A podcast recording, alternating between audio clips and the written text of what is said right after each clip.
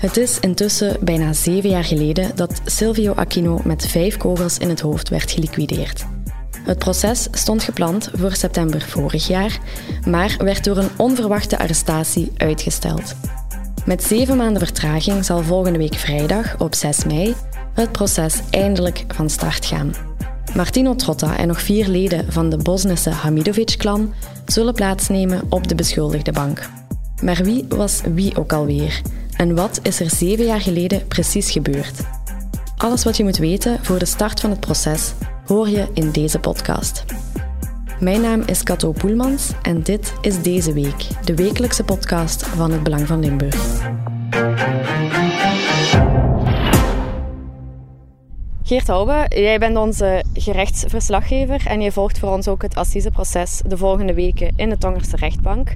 Maar vandaag zijn we niet in de rechtbank of op de redactie voor een keer. Kan jij eens zeggen waar dat we zijn? We staan hier op de Sint-Hubertuslaan, vlakbij uh, Industrieweg Zuid, het uh, industrieterrein van Opklabeek, of Oudsbergen, zoals we nu zeggen. In een bosrijke omgeving, niet ver van de woning van de zus van uh, Silvio Aquino, Antonetta. En ook niet ver van de woning van Silvio en zijn vrouw Silvia zelf, zo'n vijftiental kilometer hier vandaan in Maasmechelen. We staan hier natuurlijk niet zomaar, maar wel omdat dit de plaats is waar Silvio Aquino op 27 augustus 2015 doodgeschoten werd. En de jongste telg van de Aquino-familie is duidelijk nog niet vergeten, ook al is het nu al bijna zeven jaar geleden. Ja, dat klopt. We staan hier trouwens ook vlakbij het Natuurhulpcentrum. En wie daar een beetje verder rijdt, richting de Sint-Hubertuslaan, kan daar een, een boom zien met bloemen aan, enkele kruisjes en een foto van Silvio, een goed lachse Silvio Aquino. Dus de man is zeker niet vergeten. Een zeer geliefde man heb ik mij laten vertellen. En jaarlijks op 27 augustus zou de familie ook naar hier komen om een bloemetje te leggen ter nagedachtenis van de man. Geert, wat is er eigenlijk gebeurd toen in augustus? Silvio en zijn vrouw Sylvia waren op weg naar huis in een zwarte Renault Scenic. En eenmaal hier op de Sint-Hubertuslaan werden ze klemgereden door een Opel, een grijze Opel, die hen blijkbaar al een tijdje aan het achtervolgen was. Iets wat ze niet door hadden. Vanuit de auto deden die mannen gebaren al dat ze moesten stoppen en de kant van de weg moesten gaan staan. Wat ook gebeurde nadat ze klem waren gereden, ze hadden geen andere keuze natuurlijk. Eh, uit de wagen stapten enkele mannen gekleed in het zwart, met bivakmutsen op, uh, oranje politiearmband aan. Niet veel later kwam er nog een Jaguar aan met Nederlands kenteken. Die plaatste zich achter hun wagen.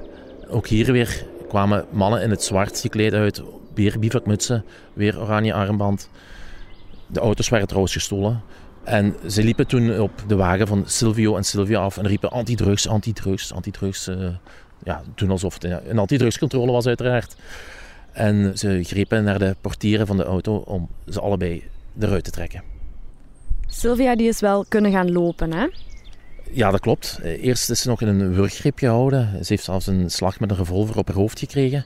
Is tegen de grond gegaan en zou toen een trap hebben kunnen verkopen aan haar belager op een plaats die mannen niet zo heel plezant vinden.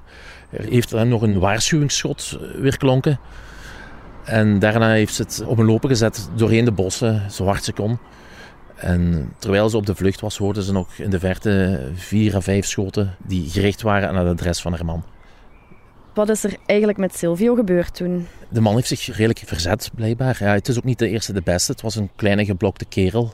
Een stevig manneke, om het zo te zeggen. Een beetje een Jeromeke figuur, maar dan uh, zonder haar. Passanten hebben gezien hoe hij ook nog probeerde hen tegen te houden, gebaarden om te stoppen. Maar ja, eh, niemand was geneigd om dat te doen. Zeker niet als er zo mannen in het zwart achteraan lopen. Toen is er een schermutseling ontstaan. Is hem weer kunnen gaan lopen naar verluid. Vervolgens hebben ze hem weer vastgepakt, zijn er beenvegen uitgedeeld en dergelijke meer. Er weer klonk een schot. Wie werd er getroffen door dat schot? Ja, dat schot raakte niet Silvio, maar uh, raakte uh, Samson Hudarovic, de jongste van de bende. Een 22-jarige gast uit Bosnië. Hij werd geraakt, hij was er niet goed aan toe, niet op slag dood.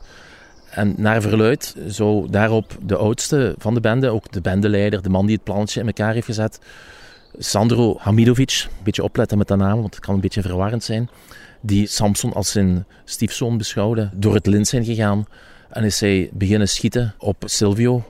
Er was ook nog een tweede persoon die een wapen had. Het is onduidelijk of hij heeft geschoten, maar naar verluid wil dat Hamidovic daarop Silvio heeft geschoten. Vier kogels troffen hem raken in het hoofd, twee in de borst En net voordat ze in de auto, in een Jaguar sprongen, een vluchtauto, hebben ze Silvio nog een laatste schot toegediend in het hoofd. Dus hij is eigenlijk geliquideerd met vijf kogels in het hoofd en twee in de romp. En intussen is Sylvia nog steeds op de vlucht door de bossen hier, hè? Ja, ze is kunnen vluchten doorheen de bossen eh, richting de Akkerstraat. Dat nu na de fusie heet dat de Pleinstraat. Daar heeft ze kunnen aanbellen. Deed iemand de deur open. Ze is er meteen binnengestormd.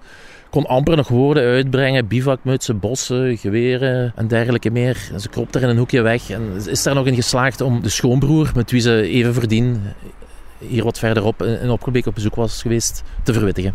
En die man, die schoonbroer, die is dan naar de plaats delict gekomen, hè? Ja, die is uh, hier naartoe gekomen, naar de Sint-Hubertuslaan. En die heeft hier Silvio, zijn lijk, op de Sint-Hubertuslaan aangetroffen. Ja, zeven kogels. Er kon geen hulp meer baten natuurlijk. Iets later komen dan ook de speurders ter plaatse. En zij doen nog twee opmerkelijke ontdekkingen bij het lichaam van Silvio Aquino. Ja, eigenlijk wel. In zijn jeansbroek. Daar zat 4050 euro in biljetten van 50 euro. Dat was onaangeroerd gebleven. Wel was verdwenen zijn horloge. Een duur horloge, heb ik me laten vertellen. Een Audemars Piguet, ik hoop dat ik het juist uitspreek. Waarvoor je toch al snel enkele tienduizenden euro's moet neertellen.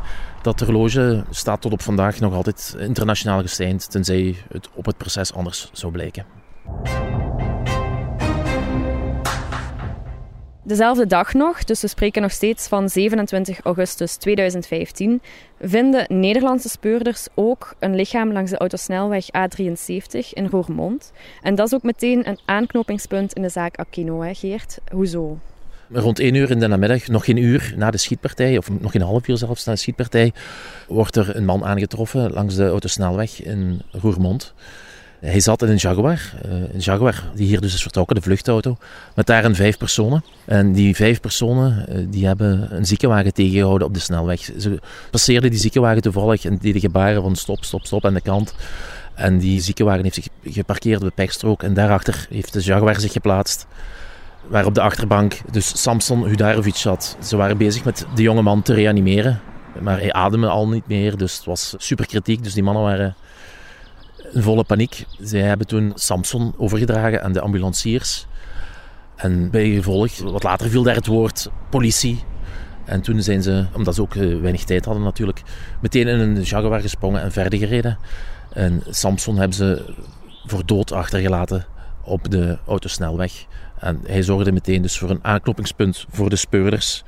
Het was een, aanvankelijk een beetje een raadsel, of nog altijd eigenlijk, hoe kwam dat die man gestorven is de inzittenden van de wagen hadden het over een spelletje Russische roulette zelfs. Dat is dus niet het geval. Hoe is hij dan gedood, was dan de vraag. Want Silvio Aquino had geen wapen. Dat is gebleken uit ballistisch onderzoek onder meer. Het probleem was ook nog eens dat er weinig tot geen kruidsporen waren. Het was die dag regenachtig. Eh, die kruidsporen werden weggespoeld. Ja, er waren op dat moment nog altijd eigenlijk veel vragen daarover hoe hij daar terecht kwam. Door dat lichaam te onderzoeken langs de snelweg slaagt de politie er uiteindelijk ook in om de verdachte van de schietpartij te achterhalen.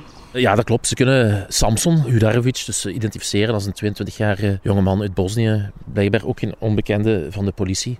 Dus dat in verschillende databanken. En ook via ANPR-camera's, waardoor men beelden van auto's kan opvragen en dergelijke in beeld kan brengen heeft men de Jaguar teruggevonden en heeft men zo de verdachte in beeld kunnen brengen, samen met nog telefonieonderzoek. En zo zijn ze bij de leden van de bende uitgekomen die de liquidatie hebben uitgevoerd. Na drie maanden hebben ze Sandro kunnen arresteren het vermoedelijke brein achter de uitvoering.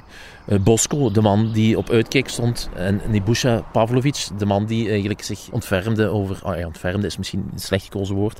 Over uh, Sylvia Liskova. Niet veel later kwam dan ook nog iemand van hier, een man uit Zutendaal... met een verleden in Maasmechelen in beeld. Martino Trotta. Geen onbekende van de Aquino's. Volgens de speurders zou hij de vermeende opdrachtgever zijn. Zou hij achter heel het opzet zitten... Intussen zit hij al sinds 26 januari 2016 achter de tralies. Net als enkele andere figuren, zoals Sandro Amidovic, schreeuwt hij al de hele tijd zijn onschuld uit.